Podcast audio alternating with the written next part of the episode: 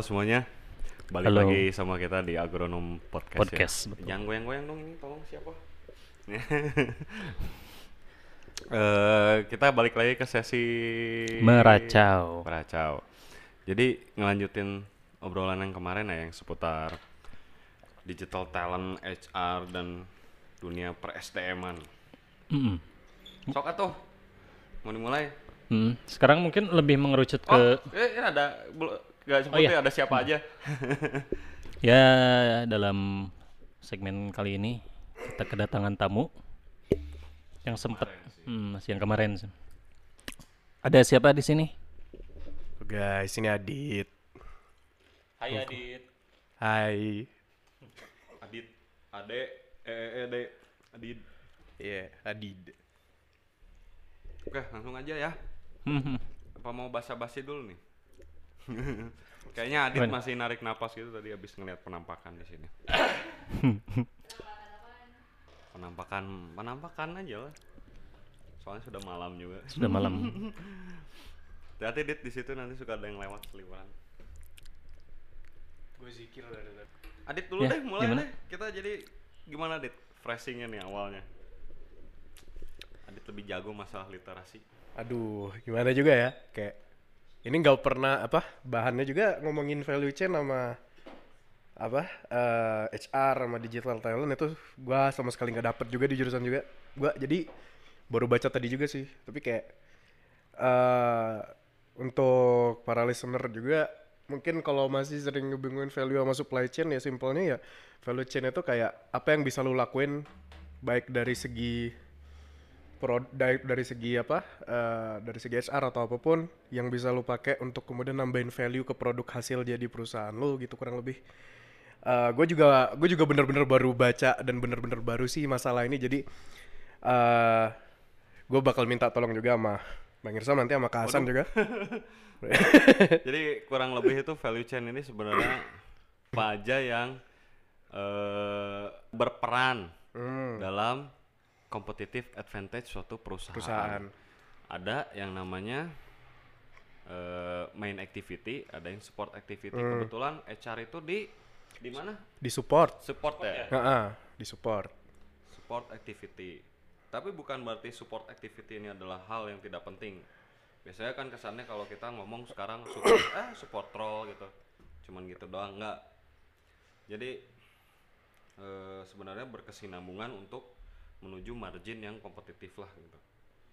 Eh, mungkin teman-teman bisa search aja ada diagramnya kok gampang. Lanjut. Jadi kita mau mulai dari mana nih? Mau langsung ke HR atau gimana nih? Yang paling ini? Ya kita stick dari HR aja. deh. HR aja ya dulu. Kira-kira nih mau nanya dulu deh Eh, dari Kak Adit ya. Mungkin nanti kita tambah-tambahin juga. Eh, menurut lu sendiri Dit, eh, impactnya gede nggak sih adanya digital talent ini ke arah HR sebagai support activity di value chain? kan digital talent ini bisa dibilang juga gimana ya salah satu golongan employee yang terbilang baru lah gitu ya kalau diomongin sekarang juga jadi kan HR itu pentingnya dia dia itu pentingnya ke produktivitas, efektivitas sama efektivitas perusahaan untuk dapat competitive edge itu kan dia nge-manage employee kan basically. Nah, jadi digital talent ini kalau kata gua impactnya itu cukup eh signifikan dalam arti ini sebenarnya gue simpen buat rada akhir sih tapi eh kalau kata gua di digital talent itu bisa jadi hambatan kalau kata gue bukan kayak bukan kayak bisa juga dia jadi bun buat perusahaan juga bisa. Dengan ya itu tadi digital talentnya tadi. Tapi eh DT itu atau digital talent itu kalau kata gue dia juga bisa jadi hambatan karena apa? Eh karena eh dia mung- mungkin ya ini tambahin aja nanti. Digital talent itu gue dapat gambaran kalau mereka itu pekerja yang lebih independen karenanya jadi Jadi sebenarnya kalau setelah dipelajarin lagi apa bedanya sih digital talent ini sama freelancer kalau gitu? Nah, ini jadi gini juga, eh gua kan juga sempat riset kan, riset dalam arti gue buka Google eh tentang digital talent gitu. Jadi dari semua yang gue cari mungkin gue juga belum masuk ke dalam forum akademiknya juga tapi yang jelas gue masih belum ketemu definisi pakem dari digital talent kayak kalau misalnya kita ke websitenya kominfo tentang beasiswanya digital talent itu yang gue temuin adalah ya banyak banget bidangnya ini ada Hmm. yang animator lah ada yang programming lah ada yang dia accountant Ya itu sebenarnya itu makanya gue juga bingung dari kemarin itu pembahasan sebenarnya gimana ya kurang merucut kali ya digital talent. Yang sejauh ini gue bisa simpulkan hanyalah digital talent. Aduh maaf ya. digital digital talent ini hanyalah sebagai source baru untuk mencari HR dan entah kenapa coba nanti kita brainstorming aja di sini Heeh. kita ngobrol diskusi Heeh. diskusi ke arah positif. Eh gue menangkap sendiri bahwa digital talent ini hanyalah eh, apa namanya? Aduh gimana ya enaknya bahasanya? Cocoknya itu untuk pekerja langsung di lapangan, praktikal lah. Eh, Gua nangkapnya kayak gitu. Coba Adit gimana mungkin mau dilanjutin tapi sorry ya gue motong Dit. Gak apa kalau uh, itu juga menyambung ke gue sih gara-gara DT ini praktikal sifatnya. Ya gue nge-refer digital talent DT ya soalnya uh, lebih enak aja. Jadi uh, kalau kan jadi da, karena da, DT da, ini da, dia da, da, na, na, na.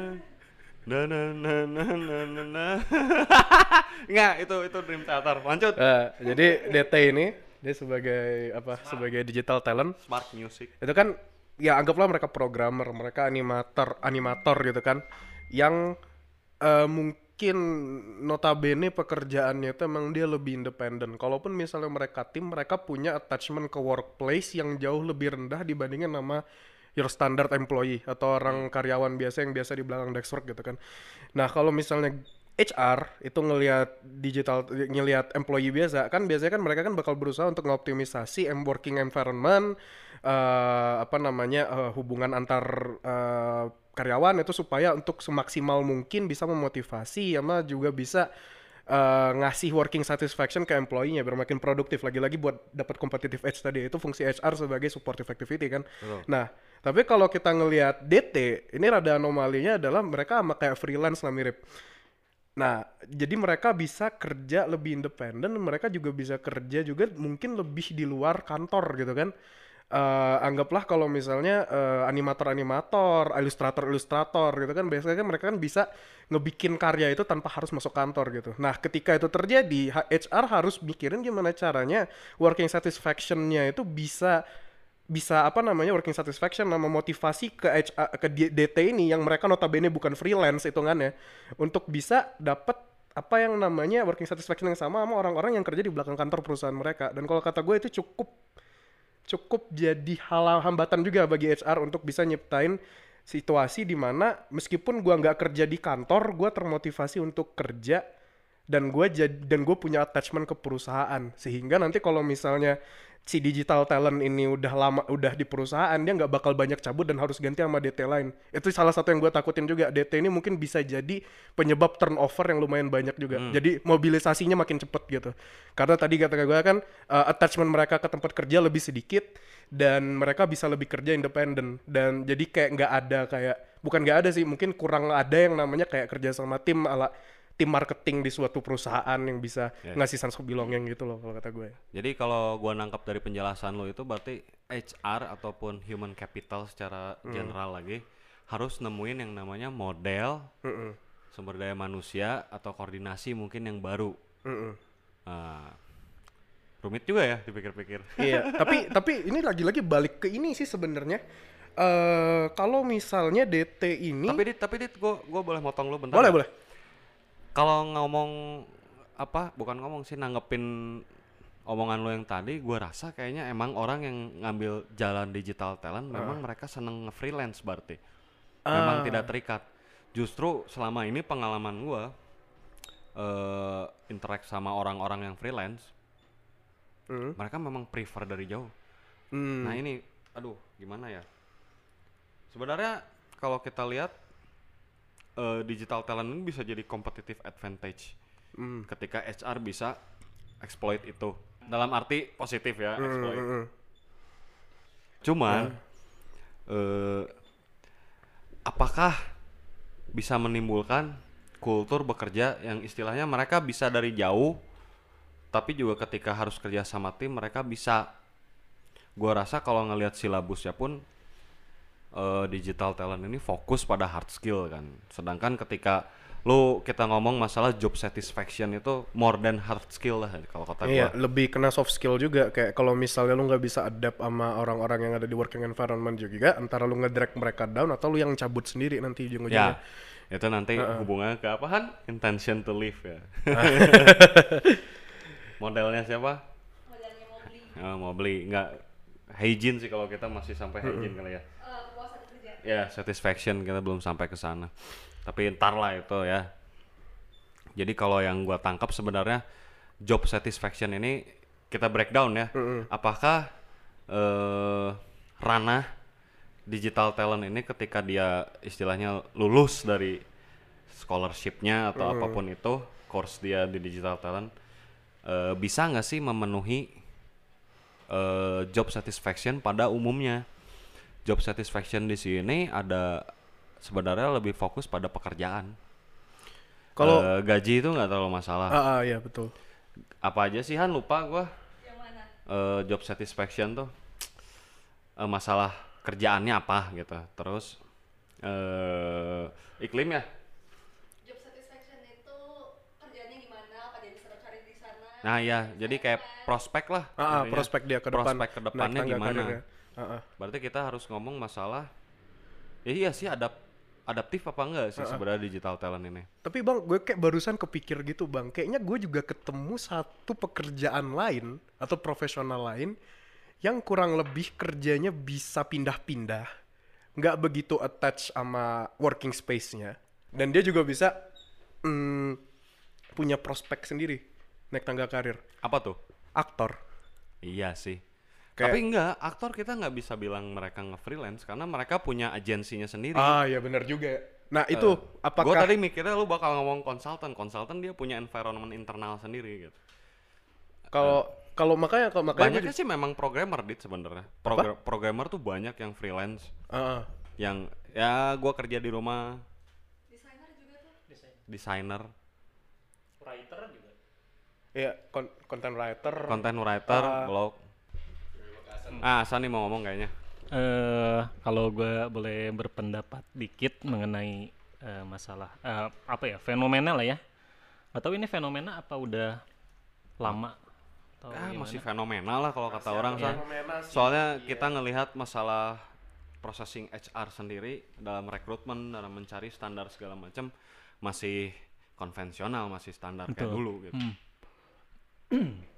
Jadi balik lagi kalau si freelance ini lebih ke balik ke kenyamanan dia karena bekerja secara apa ya secara bebas dan tidak terikat aturan tertentu di dalam suatu perusahaan gitu. Balik lagi ini mungkin di dalam bursa eh, tenaga kerja saat ini eh, semua kepribadian masuk kesempatan untuk untuk lebih eh, meningkatkan skillnya gitu eh, kayak semacam tadi eh, sempat sempat disinggung masalah prospek. Prospek di suatu perusahaan kan eh, ada ininya ya ada KPI segala macam gitu ada attitude lebih segala- tepatnya San kalau job satisfaction ini prospek ke depannya dalam arti dia bisa cultivate diri dia sendiri nggak di situ? Nah lebih ke sana. ya betul.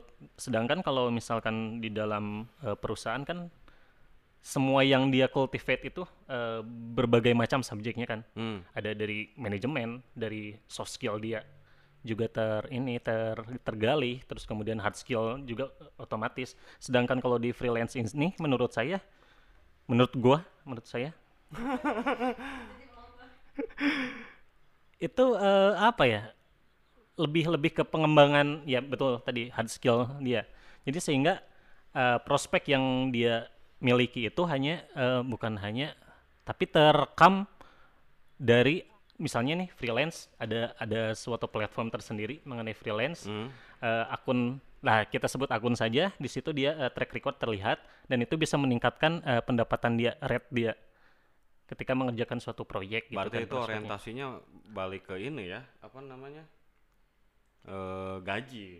Kalau kayak gitu. Hmm, pendapatan dan itu kan berbanding lurus dengan portofolio yang dia miliki Nah, gitu kan. sebenarnya yang jadi masalah di sini fine, mereka bisa dapat duit bahkan lebih besar dari orang-orang yang kerja di kantor. Iya. Cuman job satisfaction-nya kan bukan di sana. Kita kalau ya segini deh, gampangnya dit. Mau nggak lo dapat gaji 50 juta, tapi kerjaan lo eh bedah mayat. Sorry, maaf. Gua gua gua sih ogah ya. Nah, kan ada ada job satisfaction orang tuh balik lagi ke job sebenarnya.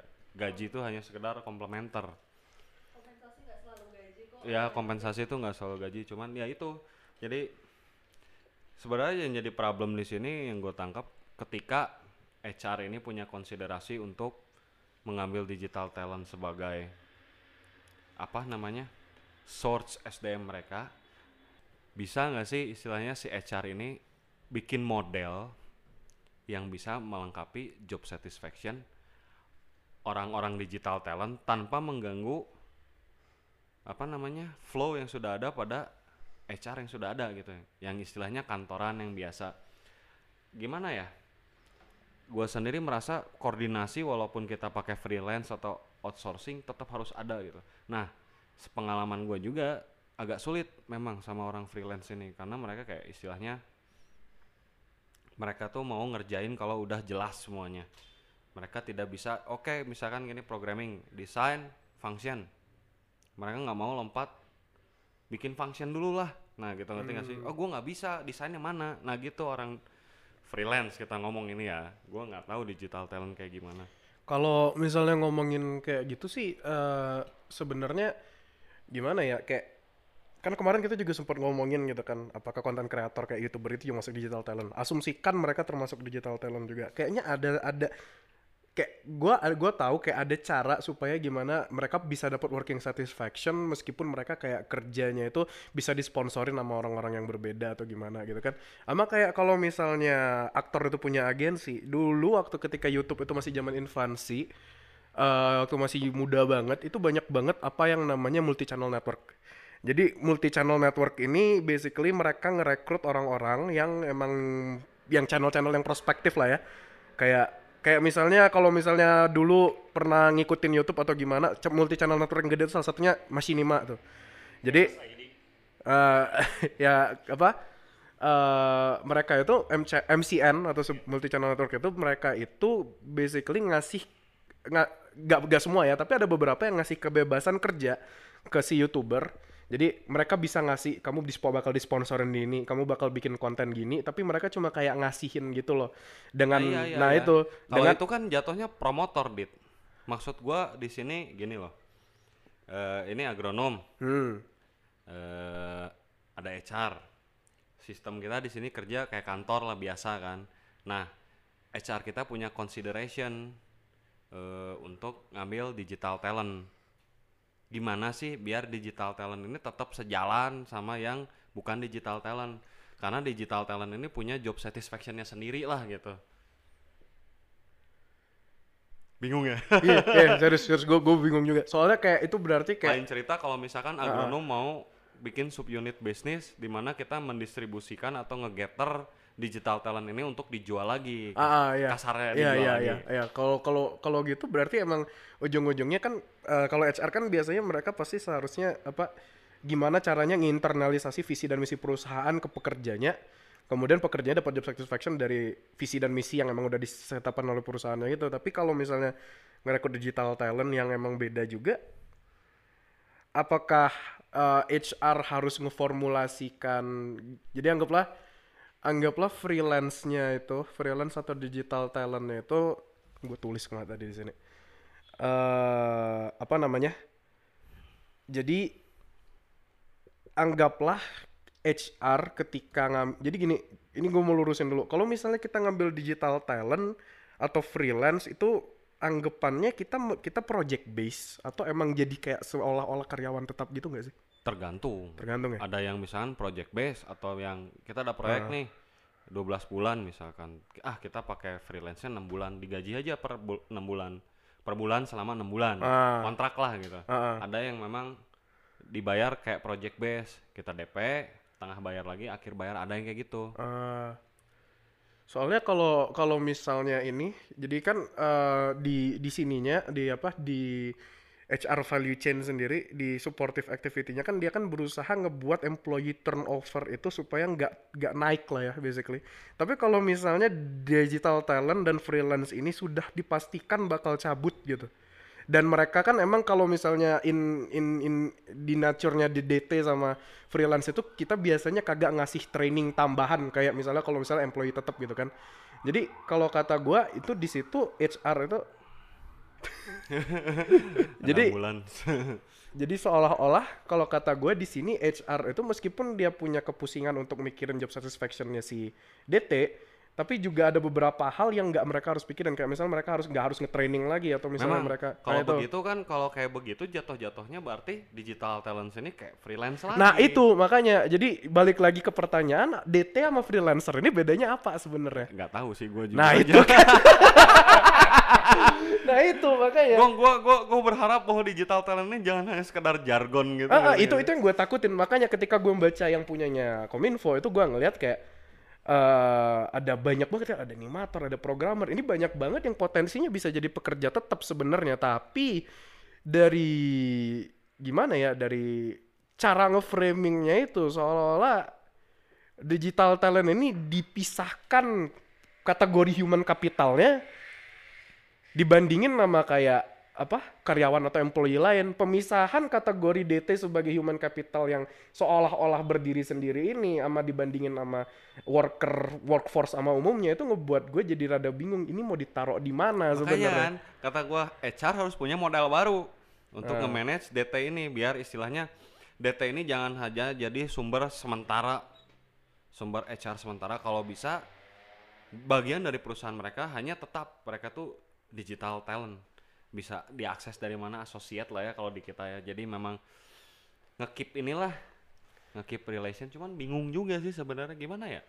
Kecuali kalau emang digital talent ini beneran pengen diinternalisasikan jadi pegawai tetap gitu loh maksudnya. Tapi ya itu balik lagi DT itu sebenarnya secara pastinya kalau misalkan apa? mau diinternalisasi gua rasa mereka akan melalui proses-proses yang sama Yang kayak sama. pegawai biasa. Nah, kalau misalnya mereka udah melakukan proses yang sama kayak pegawai biasa, bisa dipanggil DT lagi nggak sih itu? bisa sih jadi kayak Ah. dream theater Ya, ya permasalahannya kan ya balik lagi ke apa ya ke kenyamanan pribadi masing-masing itu kan ah, tadi sempat disinggung mengenai eh, internalisasi si DT ini ke suatu perusahaan gitu adaptasi kembali. Nah, ya itu dia. naon teh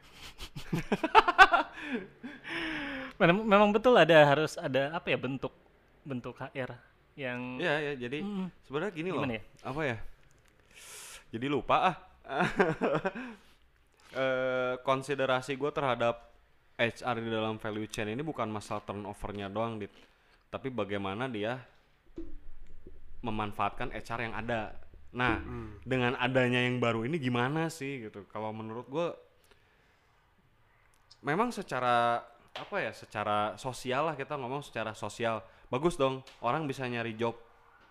Cuman secara profesional atau misalnya perusahaan yang butuh ini nah sebenarnya gue mikirnya awalnya DT ini dia bakal jadi pegawai tetap nantinya tapi sumbernya melalui digital talent cuman ternyata Adit melakukan riset ujung-ujungnya kayak freelance ya Dit Nah, jadi ini nih. Jadi apa namanya? eh, yang gue dapet dari jadi kan eh, di digi- digital wait talent- pause dulu Kenapa banyak banget orang kecelakaan ya barusan ya? Ini polisi deh kayaknya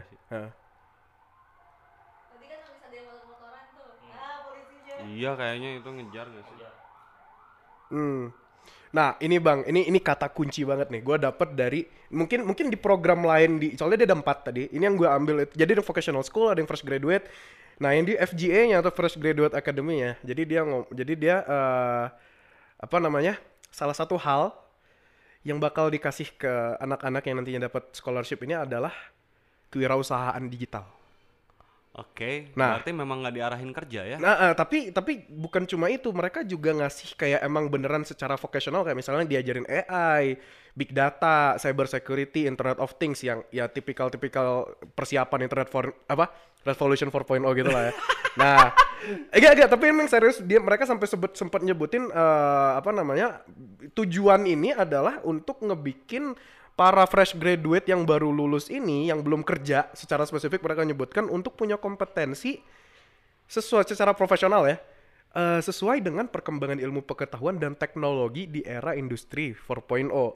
Nah, dari yang gue lihat ini adalah eh, dan yang gue lihat ini adalah mereka juga bakal dikasih pengetahuan kewirausahaan, mereka dikasih pengetahuan untuk coding, untuk cyber security, untuk ini. Jadi kayak kata gue ini balik lagi kayak HI nggak sih kenanya? Banyak banget yang dipelajarin tapi kayak gue bingung mereka sebenarnya memfokuskannya Master of tujuannya all. apa? Eh, Jack of all trades, master ya, of none. Jack of all trade, Ah, ah. master of none. Ya meskipun gue ngelihat mereka ini semuanya dalam ruang lingkup TIK gitu ya, tapi eh apa namanya? Nah ini nih eh da- diharapkan dengan terselenggaranya ini adalah mengurangi angka pengangguran, memenuhi kebutuhan tenaga terampil, dan juga jadi fasilitator dan akselerator pendukung ekonomi digital.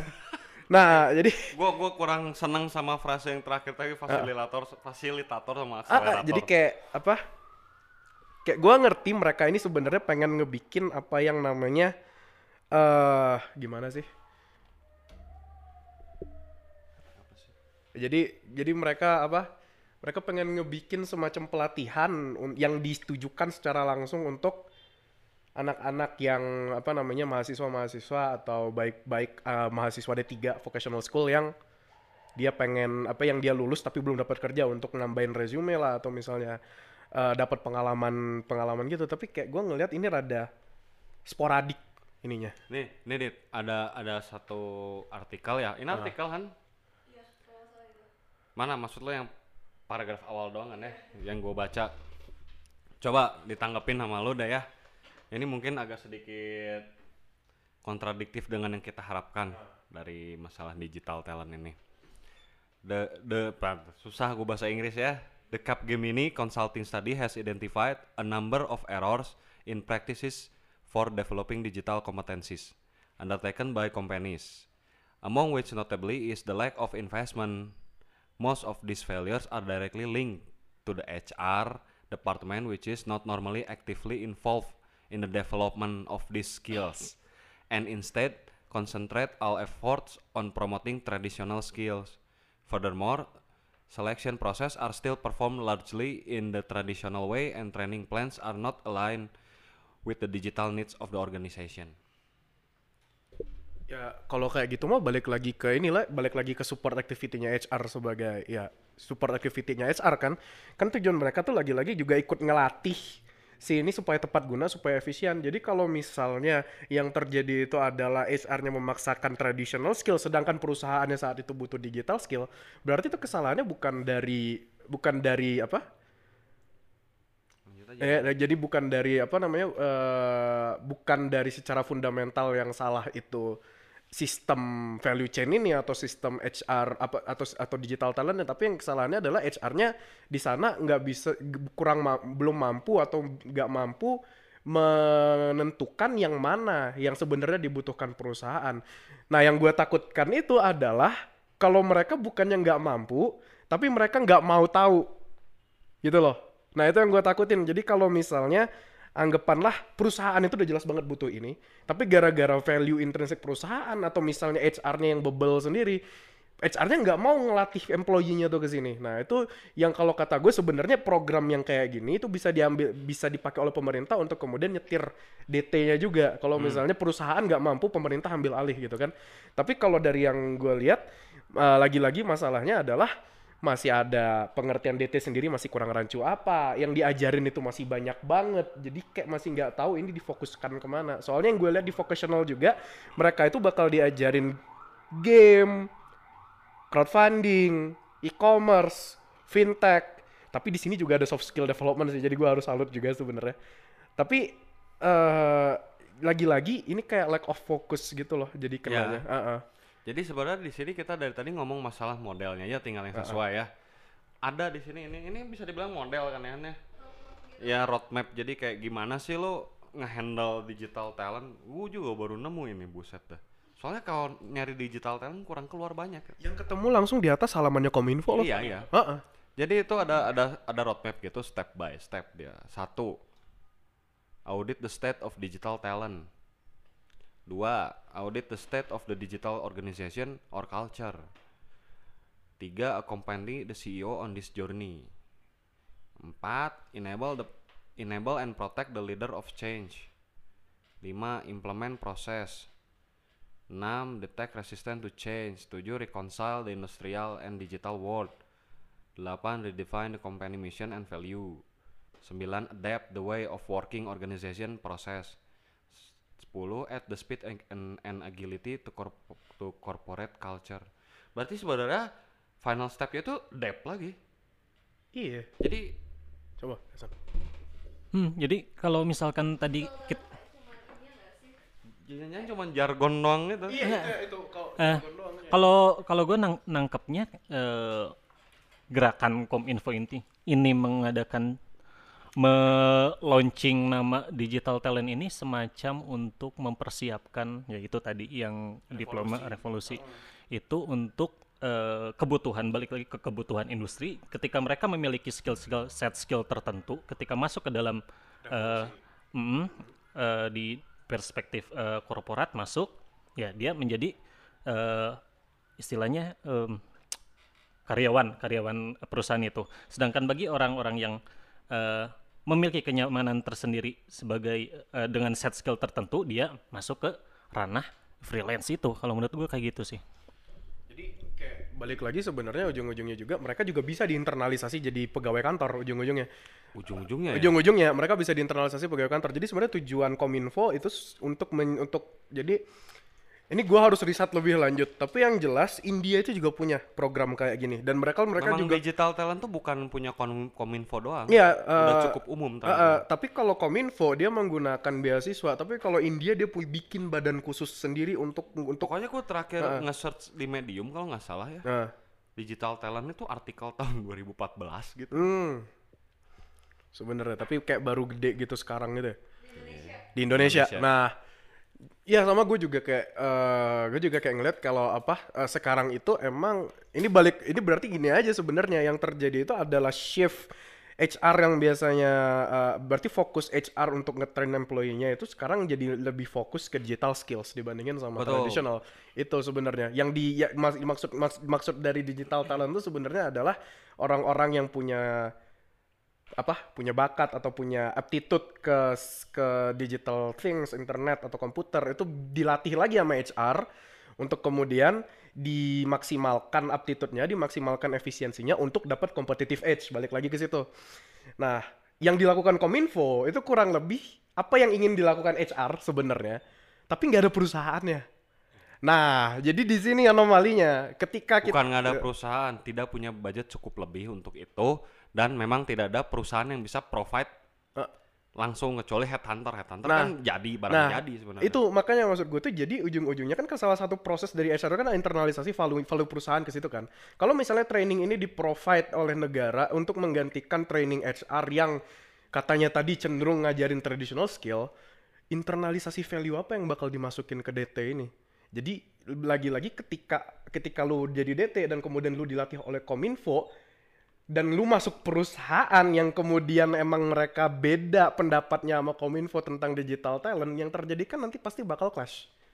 Nah, makanya kan gua rasa harus ada penyusuaian. Nggak bisa langsung istilahnya perusahaan plek, consider digital talent. Digital talent masuk Jadi makanya. gini loh, ketika eh, digital talent masuk ke dalam perusahaan, ini pendapat gue ya, bukan suatu hal yang pasti atau benar.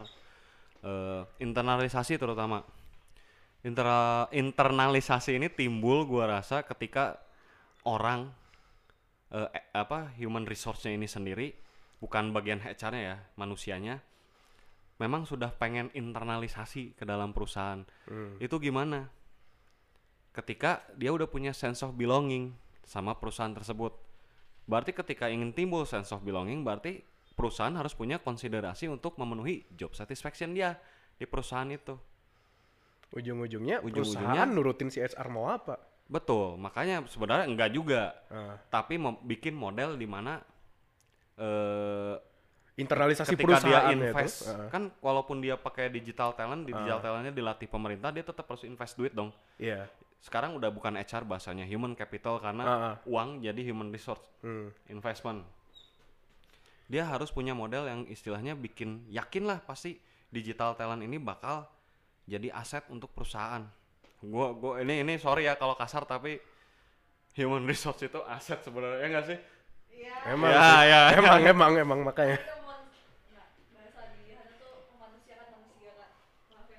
Nah ya ya ya ya. Seperti itu jadi. jadi ya apa eh Dan gua rasa melihat teman-teman gua kenalan gua atau yang hanya selewat di medsos gua lihat banyak HR aduh ntar ada polisi ini. Lagi headhunting. Hmm, ya kita kalau punya job lah ya. Misalkan gua HR gua pasti imersif dong jadi HR nah secara nggak langsung menunjukkan gaya HR gua di, di media sosial atau di mana lah itu. Walaupun nggak semua orang seperti itu sih. Gue lihat gaya-gaya HR yang sekarang tuh masih tradisional juga belum ada indikasi mereka mau shift ke cara-cara yang memang bisa ngegetter digital talent ini biar jadi aset perusahaan. Oke, fine mereka aware sama masalah-masalah industri 4.0. Kadang mereka juga ngomong seleksinya berubah dengan cara digital. FGD-nya nggak ketemu langsung atau gimana lah, banyak lah. Gua nggak ngerti lah. Tapi kalau kita tarik lebih dalam, modelnya itu masih model tradisional, hanya saja medianya yang berpindah. jadi ini balik lagi kayak revolusi 4.0 sebenarnya tuh media tradisional tapi penggunaannya aja betul. yang beda ya Betul, tapi kalau kita ngelihat digital talent ini berarti udah ada shift apa perubahan paradigma sosial terhadap benar nggak sih bahasa gua? paradigma sosial terhadap kepuasan kerja kalau gua digital talent. Gua bukan apa namanya? Konvensional employee biasa gitu ngerti nggak sih? Jadi kalau kalau misalnya gue belajar juga, jadi di di kampus gue tuh gue juga diajarin beberapa hal gitu kan. Jadi kayak eh, beberapa Bos diajarin. lu mah kerjaannya dewa orang. Ah itu sih. gue gua sampai sekarang nggak pernah ngeliat itu kayak ada selebaran siapa aja yang di DO untungnya. Tahu-tahu hilang aja. Tahu-tahu hilang aja kayak kayak diciduk gitu kan. Jadi jadi apa namanya eh sekarang itu jadi jadi gini, salah satu pandangan yang sekarang ini kita balik ini rada balik ke ranah teoritis ya. Jadi ini ada rada-rada filsafat dikit lah. Ini mungkin beberapa orang yang rada ilmiah mungkin cukup gak setuju sama gua, tapi kurang lebih Apalagi yang sekarang edgy gitu ya. Ah, sekarang yang lagi rame, bukan lagi rame sih sebenarnya udah lama banget. Ini dari abis perang dingin.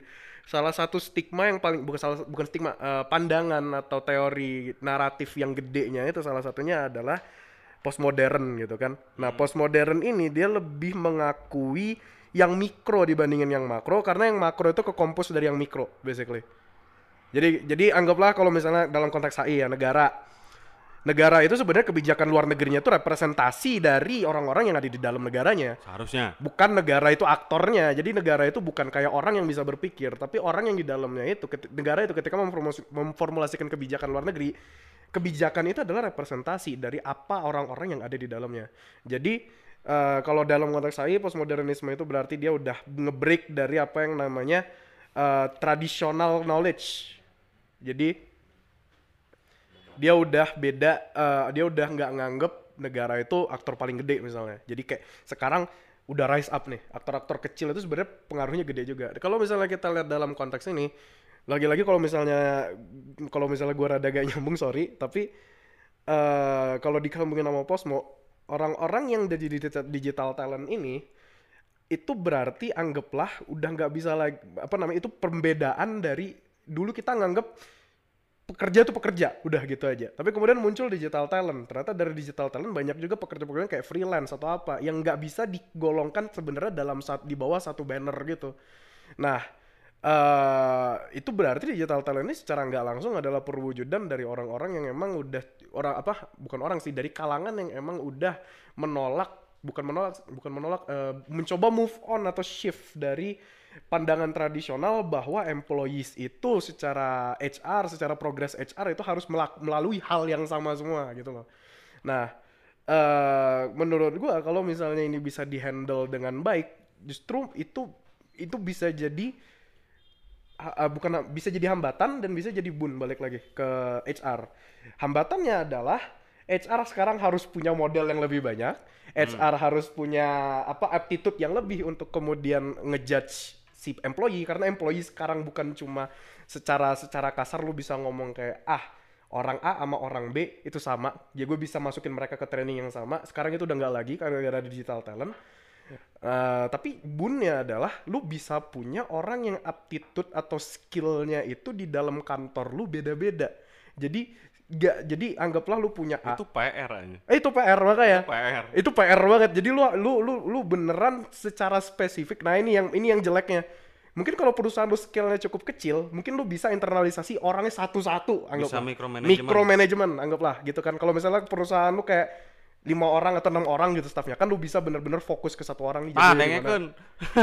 Tapi kalau misalnya perusahaan lu gede gitu ya, anggaplah lu perusahaan apa namanya mau lu BUMN atau apa, itu kan jadi lebih ribet kan untuk micromanagement kayak gitu. Nah makanya salah satu yang gue lihat, oh gimana cara orang nge-circumvent ini, gimana cara orang nge-circumvent orang-orang yang aptitude-nya beda-beda dan bisa dimasukin tepat guna di perusahaannya mau lu digital talent atau apa, salah satunya program MT sebenarnya. Gue kepikirannya justru bikin divisi baru aja untuk digital talent. Dengan- Dimasuk dengan iya, satu di- orang dedicated yang memang dia udah bisa ngehandle orang istilahnya secara remote Ah, dengan attitude kerja yang istilahnya 4.0 banget gitu. ah iya iya, Cuman membentuk suatu divisi itu bukanlah hal yang gampang, gampang, fine. gampang. Murah. Bukan Iya. murah. Bukan murah. Sekarang perusahaan aja kadang nggak mau dit bikin divisi IT. Ada divisi IT tapi hanya sebagai user, nggak mau Ah. bi- masih ngandelin vendor.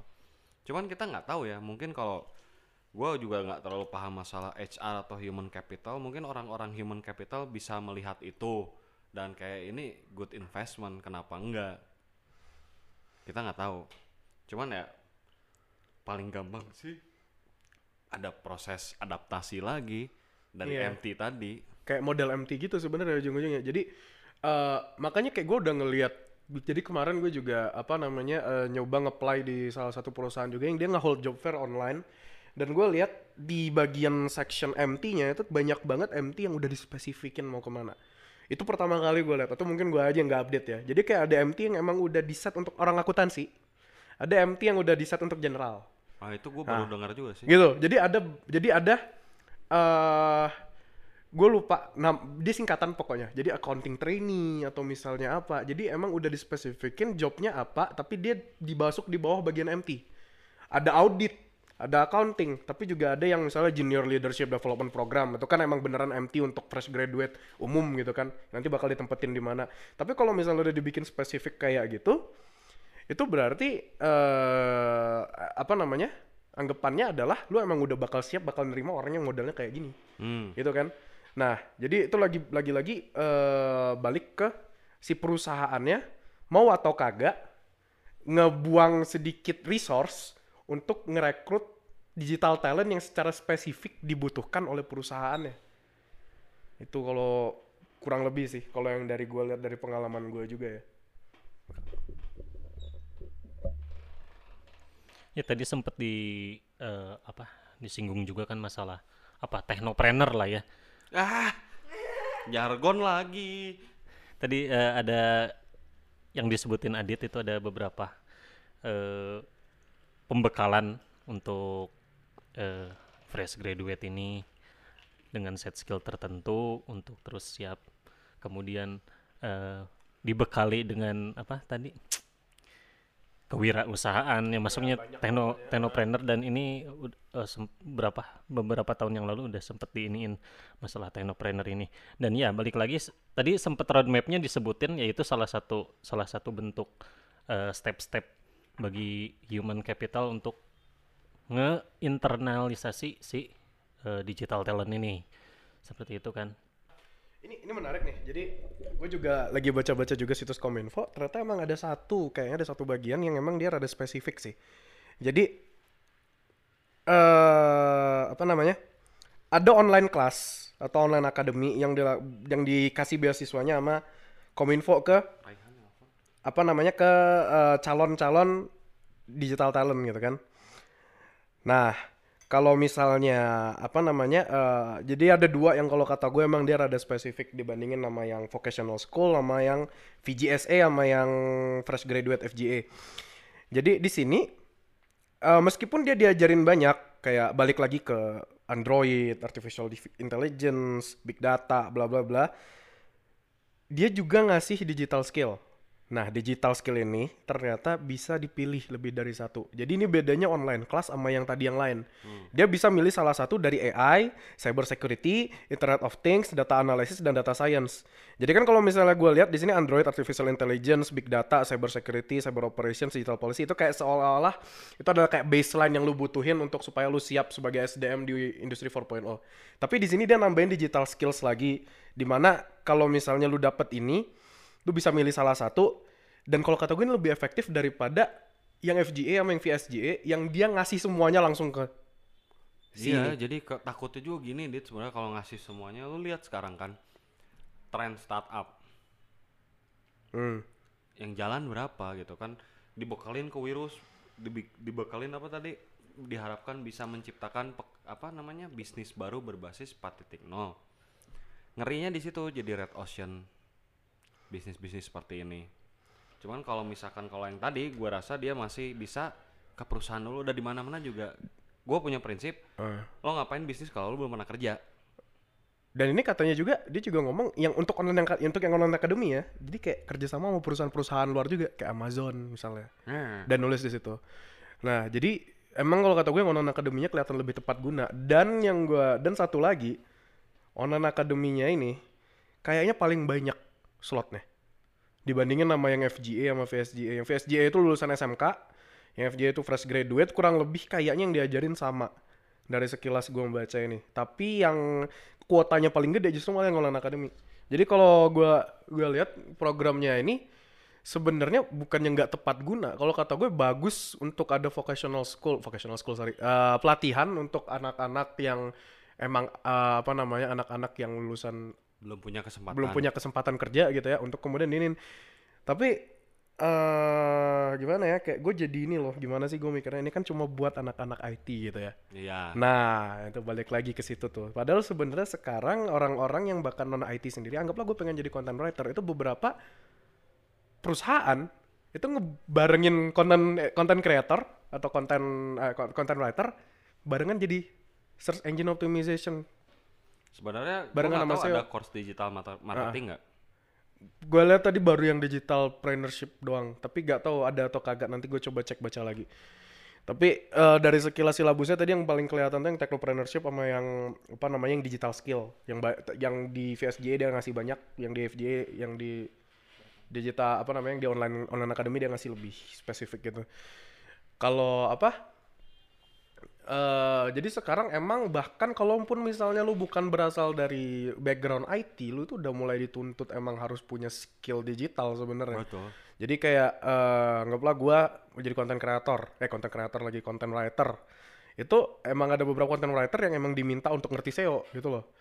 Jadi kayak meskipun kayak lu mikir kan ini apaan nih SEO nggak pernah diajarin gua, gua anak HI atau misalnya gua anak manajemen gitu kan. Tapi kayak emang itu udah udah butuh sekarang. Dan satu lagi juga mungkin pekerjaan-pekerjaan lain yang awalnya nggak butuh kemampuan digital, sekarang jadi butuh kemampuan digital. Akuntan misalnya. Akuntan sekarang kan juga harus bisa pro, bukan programming sorry, harus bisa ngoperasiin aplikasi akuntansi yang emang udah ke, yang emang yang emang berbasisnya udah komputer. Lu nggak lagi bikin buku keuangan itu make nulis manual Paling satu-satu di pakai buku Excel gede lah, gitu kan. Paling banter pakai Excel dah. Jadi emang sekarang digital skill itu udah makin dibutuhkan. Jadi gua ngerti motivasi pemerintah mau bikin ini tuh untuk apa.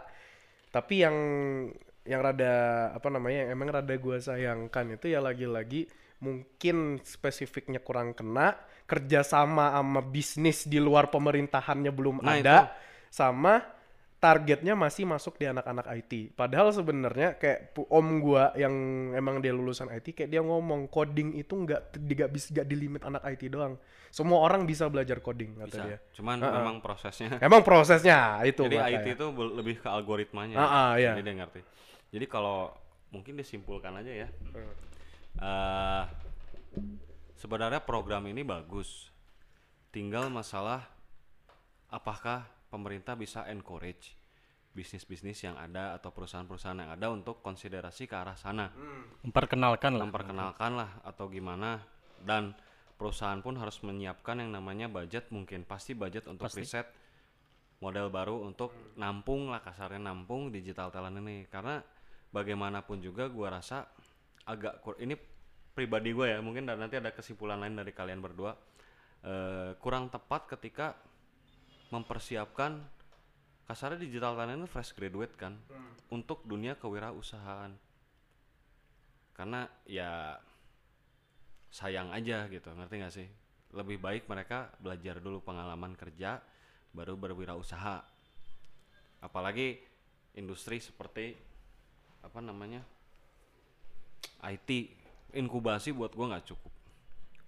Sekarang kan ada inkubator akselerator naon deui nah, karena Iya, iya, itulah gitu. Beberapa kampus sudah punya itu. Memang sih mereka mengajarkan konsep bisnis, tapi mereka nggak mengajarkan konsep konsep bisnis core-nya langsung adaptasi dengan yang sekarang. Oke, adaptif. Oke, kepake. Tapi gimana kalau misalkan ada perubahan? Kalau mereka mengalami yang namanya di dalam perusahaan orang kerja, mereka kan tahu manajemen itu seperti apa, flow bisnis itu seperti apa. Jadi Betul. ketika ada banting setir, nanti industri 7.0 misalnya. Mereka tidak kewalahan. nggak kewalahan gitu. Gimana dia bikin manuver atau gimana kan nggak tahu sih sebenarnya di eh gua rasa gue belum pernah lihat eh apa namanya hasil inkubasi yang benar-benar kelihatan banget jadi perusahaan gede. Startup startup Dan mungkin ini si digital talent ini eh, lebih dipersiapkan untuk memarketkan diri dia untuk memasuki yaitu dia eh, tadi industri itu. Hanya hanya sebatas itu tidak untuk membuat eh, suatu badan hukum atau badan usaha yang memang diperuntukkan untuk eh, sektor tertentu gitu. Hanya hanya sebatas untuk memasuki dunia pekerjaan. Nah, selepas itu itu tugas eh, masing-masing si digital talent ini untuk mengkultivate kemampuan diri mereka dan eh, keinginan ke arah mana sih dia untuk mengembangkan diri dirinya ini gitu. Ya, tapi bener bener juga sih. Jadi balik lagi ke gimana si digital talent ini mau menyikapi apa yang dia dapat dari program training. Kalau misalnya mereka cukup beruntung dapat program training dari Kominfo ini. Lagi-lagi balik ke mereka, apakah mereka mau mau apa namanya? Itu tadi kalau misalnya kalau mau technopreneur ya silakan mungkin kalau mau kan. teknopreneur Nah, ya, ya, ya, nam- nam- lebih pendek soalnya nyebutinnya daripada wir- kewirausahaan digital, ya kan? Udah aja sebenarnya entrepreneur juga Nah, sih. ya, entrepreneur. Oke, digital, komoditinya digital Makanya gitu ya digital udah. marketing itu sebenarnya tetap marketing gitu. iya digital marketing sebenarnya marketing, marketing hanya implementasi teori dan Ah, ah. strategi marketing itu secara Ah, digital Secara, secara digital pakai sosmed lah dan lain-lain. Nah, jadi kayak eh, makanya kayak jadi jadi apa namanya eh, digital talent ini sebenarnya kalau misalnya mereka mereka beres, mereka beres latihan, mereka be- mereka bisa dilepas keluar sana. Nah, itu gua harap banget gua harap banget ketika first batch ini ini, ini first batch atau berapa itu kayak atau udah berapa? nggak tahu. Nggak tahu juga ya. ketika mereka lulus dari pelatihan ini pemerintah udah punya link atau misalnya perusahaan antara pemerintah udah punya link sama perusahaan atau perusahaan udah mulai konsiderasi untuk merekrut mereka. Ya. Kalau misalnya mereka keluar itu sama aja kayak ketika mereka fresh graduate kalau kata gua nggak guna ujung-ujungnya lu literally dikasih ini untuk nambahin aptitude lu, nambahin nilai jual lu sebagai digital talent. Kalau ujung-ujungnya nggak ada yang ngerekrut lu, apa gunanya lu belajar? Meskipun anggaplah itu beasiswa, waktu lu udah kebuang. Bisnis Minimal mereka masuk ke ke PHL di dinas saja lah. Nah iya itu, eh, jadi antara pemerintah mau internalisasi mereka atau pemerintah mau mengconvince per- perusahaan-perusahaan ini atau perusahaan-perusahaan sendiri yang nyadar kalau digital talent ini bisa jadi aset perusahaan mereka. Nah, tanpa adanya itu kasihan orang-orang yang dilatih ini ketika mereka lulus mereka sama aja kayak fresh graduate lain yang lulus tahun itu bedanya apa bedanya mereka punya skill digital tapi skill digitalnya juga nggak bakal bisa kepake kalau misalnya mereka nggak kerekrut itu step aja by sebenarnya. step lah kalau Ah, ah, gua. makanya step by step Jadi gua rasa bukan gua rasa ya, yang gua tahu gitu dit ya. Perusahaan pun sekarang belum ada belum semua perusahaan shift ke teknologi. Ada perusahaan gede, omsetnya gede dit eh baru mau pindah. Ada yang kayak gitu. Iya. Masih masih transisi ya. Masih transisi. Jadi memang ya tadi modal gede banget untuk masalah riset ini Iya. kayak gimana. Jadi ya bagus lah intinya mah yang penting ada ada pendidikan lanjut lah. ada pendidikan. Nah, sekarang sebelum ditutup lah ya. Tadi ada ada pertanyaan dari Hana sebentar. Apa? Oh, mau nanya? Coba Sini Han dekat ke sini mic kalau coba. mau nanya. Ah. Sok teriak atau apa? Eh, tadi kan kakak sama yang lain sempat ngomongin kalau misalnya eh, apa namanya digital talent itu harus erat. Misal kominfo nih, dia kan yang paling kencang ngomong, eh kita ada digital talent scholarship loh. Kalau dia punya link ke perusahaan misal, berarti sama aja digital talent kominfo ini sebenarnya inkubator. Ini kon- kominfo itu jadi inkubator. Inkubator buat bisnis tapi Han. Iya, tapi berarti inkubator kan. Terus kalau misalnya Kayak proses MT kali cuman Iya, kalau iya. pemerintah tapi pemerintah ah, Itu pemerintah. Di fasilitas eks- eh, pihak ketiga tapi pemerintah gitu di fasilitas. Ya kalau kayak gitu ujung-ujungnya tapi ya, bingung ah. nanti nanti istilahnya gini loh, MT sama peru- sama pemerintah dilempar ke perusahaan, nanti di perusahaan MT lagi. Ya itu kan jadi makanya kata gua kalau misal lagi. makanya kalau misalnya pemerintah sama perusahaan itu nggak selaras pola pikirnya ke terhadap digital talent ini yang terjadi adalah setelah mereka training sama pemerintah di training lagi sama perusahaan. Jadi dapat dapat pendidikan formal, terus bukan kemudian training. ya? Bener-bener dididik lagi kayaknya. Hmm, pasti penyesuaian lagi sih karena kan ya ya itu keselarasan itu kayaknya hanya hanya sekedar dokumen tapi prakteknya beda sih kalau menurut gue gitu. Emang butuh koordinasi lagi baliknya mah ke pemerintah sama eh, apa namanya dari pemerintah, dari pemilik bisnis, dari stakeholder-stakeholder juga yang emang mereka apalagi ini kalau kalau perlu diinget ya nih, gue tambahin stick lagi satu nih. Ini kan uang pajak kita yang dipakai buat bayar ini. Ya nggak masalah lah. Gak masalah lah sebenarnya kan. ikut-ikutan. Katanya Pajak kita lancar kok. lah lah lah lah lah kebuka dong. Nah, jadi kayak kayak maksud gue adalah kalau misalnya program pemerintah yang digunakan untuk berdedikasi supaya mereka bisa dapat SDM yang regenerasinya lebih kuat gitu ya. Ya eh, pemerintah juga harus bisa mempersiapkan tahap lanjutannya. Jangan cuma kayak apa namanya? eh, jangan cuma kayak lu ngambil daging giling, lu giling dagingnya, lu ju, lu goreng tapi nggak ada yang beli gitu loh. Jadi kayak Emang daging giling digoreng ya? Enggak, jadi kalau misalnya kornet. kornet kasih bawang.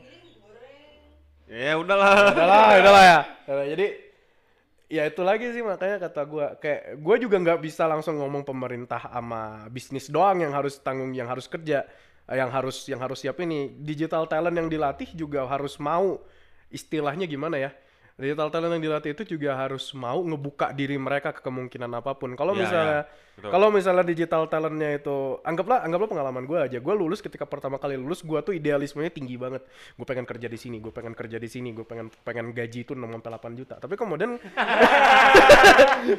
tapi kemudian kemudian kan kenyataannya kan nggak gitu kan. Ketika lu kereta, ketika kan. ditabrak kereta gitu kemudian lu lihat kan ah fresh graduate 4 juta 5 juta 4 juta 3 juta itu kayaknya udah udah udah lumayan sebenarnya. Tapi eh itu maksud gue jadi ke- jangan janganlah ketika lu udah dilatih itu kemudian lu langsung memposisikan diri lu sebagai gua digital talent gua youtuber nomor satu. Nggak ada yang bisa ngalahin gua gitu kan? Nah jadi ketika kayak gitu dan kemudian dengan attitude itu lu masuk ke dunia profesional ya mbok siapa yang mau ngerekrut lu? Ya. gitu loh jadi. Wah itu panjang tuh kemarin yang masalah 8 juta itu. Jadi banyak ada mahasiswa yang dari kampus terkenal di kota Bandung ini apa namanya? Oh ya dia sadar diri dong intinya gitu-gitu terus ada seniornya yang udah jadul banget udah tua kayak gitu. Ya bagus lah ngapain kuliah capek-capek cuman dibayar segini ya sadar diri aneh lah pokoknya. Nah itu tuh yang gitu-gitu. Nah ini nih, nih, ini mungkin bisa di cut atau kagak juga. Soalnya di postingan LinkedIn gue lihat bang. Jadi dia ngomong katanya anak ini punya self worth dan dia punya mental yang bagus buat startup gue Tapi nggak harus diomongin gitu. gue iya kan. makanya Iya, itu makanya dia punya self worth dia punya mentalitas yang bagus untuk startup kayak gue pengen ketawa pengen nangis juga kayak gue pikir ya kalau misalnya lu punya media sosial gunakan sebijak mungkin lah ya kayak Gue kayak juga itu punya kayak gitu. kayak kayak kayak lu lu secara literal ini bukan akun cloningan gitu lagi kayak dia langsung nyebutin dia dia lulusan mana dia anak mana dia pengen gaji berapa itu kan kalau dia HR kan langsung mati dia makanya gue gue sampai sekarang masih mikirin kayak nggak asli deh nggak mungkin ada Ya, orang jadi sebego itu. Eh, ada perusahaan yang nawarin gue posisi bisdev. Nah. Eh, dia ngasih gaji. Ya nggak usah sebut gaji lah ya. Hmm. Intinya sekian. Kan gue juga punya gitu kayak value gue. kira-kira berapa gitu ya. Kira-kira nggak nggak nggak nggak masuk budget gue lah. Gitu. Nah, Nggak masuk budget gue ya udah gitu. Tapi gue nggak bilang oh nggak kecil gajinya. Nggak gitu kan. mm-mm. Kurang duitnya segala macam enggak kan gitu. Enggak. Oh, jadi ke mana-mana udahlah. Udahlah. Udah, beresin Ah, tadi aja. mau nanya lagi ya. Jadi mau masuk ke sini, masuk ke masalah yang Kayak masukin masalah kemarin nih. Masih ya, gedeg yang kan lihatnya, ini yang kan se- seorang wanita menyebutkan pengen pasangan dengan gaji yang 30 juta ke atas gitu. Jadi lanjutnya ke situ nanti. itu si suaminya si cowoknya sampai gaji 30 juta itu cewek ada nggak mendampingi dia enak Nah, aja iya gitu. Hana tadi mau nanya apa Ya, ya kak mau nanya apa tadi kak? Eh, kan digital talent itu orang-orang yang di apa di nurture lagi sama si apa namanya tempatnya inkubatornya ini nah gimana kalau misalnya AI itu juga sebenarnya mereka diajarin kan dan itu sebenarnya digital juga kan apakah di- bisa disebut digital talent AI AI ya itu dikat aja pertanyaannya konyol tapi gini loh tadi itu sempat baca kalau misalnya AI pun salah satu dari digital talent tapi kalau misalnya kalian gimana iya ya ngerti nggak sih AI itu kayaknya lebih gampang diatur deh kan Enggak, jadi jadi gue nggak tahu kalau misalnya bahasa programmingnya atau gimana ya. Gue nggak tahu masalah programming, gue nggak tahu untuk coding. Tapi salah satu fundamental yang diambil kan yang hukum robotik 4 biji itu kan gue lupa apa semua itu. Tapi yang jelas eh apa kalau misalnya kita ngomongin digital talent lagi-lagi untuk ngebikin AI kan butuh programming. Jadi secara nggak langsung kalaupun misalnya lu lu lu misalnya ngomong aduh AI termasuk programming nggak ya kalau lu misalnya main gamenya Detroit Become Human gitu ya bukan bukan bukan bukan bukan digital bukan digital talent lagi itu udah bisa jadi pekerja kasar beneran gitu loh. Tapi kalau misalnya dalam konteks ini dalam konteks lu dilatih untuk bikin AI itu berarti lu masih programming ujung-ujungnya kak. Soalnya lagi-lagi ah, ah, data soalnya AI itu. Sesimpel lu main game turn based RPG, lu ngomong lu A, musuhnya B. Ketika lu A, musuhnya B. Ketika lu dan untuk lu untuk ngelakuin untuk ngebuat musuhnya ngelakuin B ketika lu ngelakuin A itu ada programmingnya. Nah, jadi Kemudian- programmingnya itu balik lagi itu balik lagi ke digital talent sebenarnya. itu kalau kita ngomong AI sebagai talent mungkin nanti industri 7.0 atau gimana ya. Industri Lagian kalau kita 2077 ya. lihat sekarang kan AI di Indonesia apa sih yang signifikan? Gue nggak pernah melihat itu. Ada sih bang satu. Jadi eh ini kalau nggak salah diatur pakai AI, tapi gua nggak tahu man AI-nya sejauh apa. Jadi waktu awal-awal si presiden Pak Pak Jokowi itu naik jadi presiden, salah satu programnya itu adalah mereka ngebikin sistem logistik satu pintu gitu loh. Nah, jadi eh, itu supaya ngurangin dwelling time kan kalau dulu kan jadi kan kayak barang-barang itu bisa lama banget nunggu di pelabuhan gitu kan. banyak. ah. Cuman gue ngelihat nggak tahu ya, hanya sebatas getter data. Ya, jadi getter data beri kesimpulan Heeh. nanti masih belum sampai autonomous working yang emang Iya. udah bisa ngegantiin itu makanya Jadi kayak teman-teman gue banyak kok yang AI AIan gitu tapi ya gitulah heeh. mau dong san nah sekarang ada lagi kan Eh kita ini aja deh sebelum kita tutup gue mau nanya deh sama Adit. Adit minat nggak sih ikut course digital talent jadinya kalau ngelihat kayak gini? Mana ya? Kalau tadi kan dia bilang eh, dikasih waktu itu sekitar mana ya? 144 jam. 144 jam itu berapa kira-kira? Berapa bulan tuh berarti satu jam satu SKS gitu ya? Eh, jadi kayak nah jadi fresh graduate academy-nya tuh kayak ngasih program 144 jam. Gini sih sebenarnya ya. Gue minat atau kagak gue beres ini bisa nambahin apa di CV gue itu aja sebenarnya. Kalau misalnya kalau misalnya eh, dia kayak ada course 144 jam gitu dan dia ngasih sertifikasinya gue harus tahu sertifikasinya worth berapa. Kalau misalnya gue bisa ngambil tes IELTS misalnya dengan eh, dengan dengan waktu sekitar sebulan, kemudian gue tes IELTS.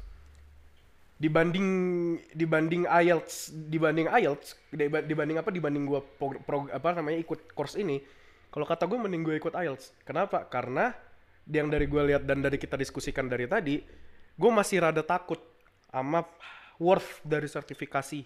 Mending kerja. Mending kerja sih sebenarnya. Kerja 2 tahun keluar itu udah jadi pengalaman bisa gaji lu bisa apa, di atas 8 juta. Amin ya Allah. Makanya sih jadi balik lagi minat atau kagaknya ya tergantung gimana pemerintah bisa membuktikan worth dari digital talent ini dan itu masih so far to masih so far to be seen lah. Belum Ya. dilihat gitu. Waktu juga masalahnya. Waktu juga makanya gitu, ngikut waktu dulu. Kalau misalnya gue minat ngambil course programming atau enggak, nah tertarik sih tapi Naon tadi tuh. Hah? berat berat masih. Ada lagi yang mau menyimpulkan? Ayo, Hasan kali.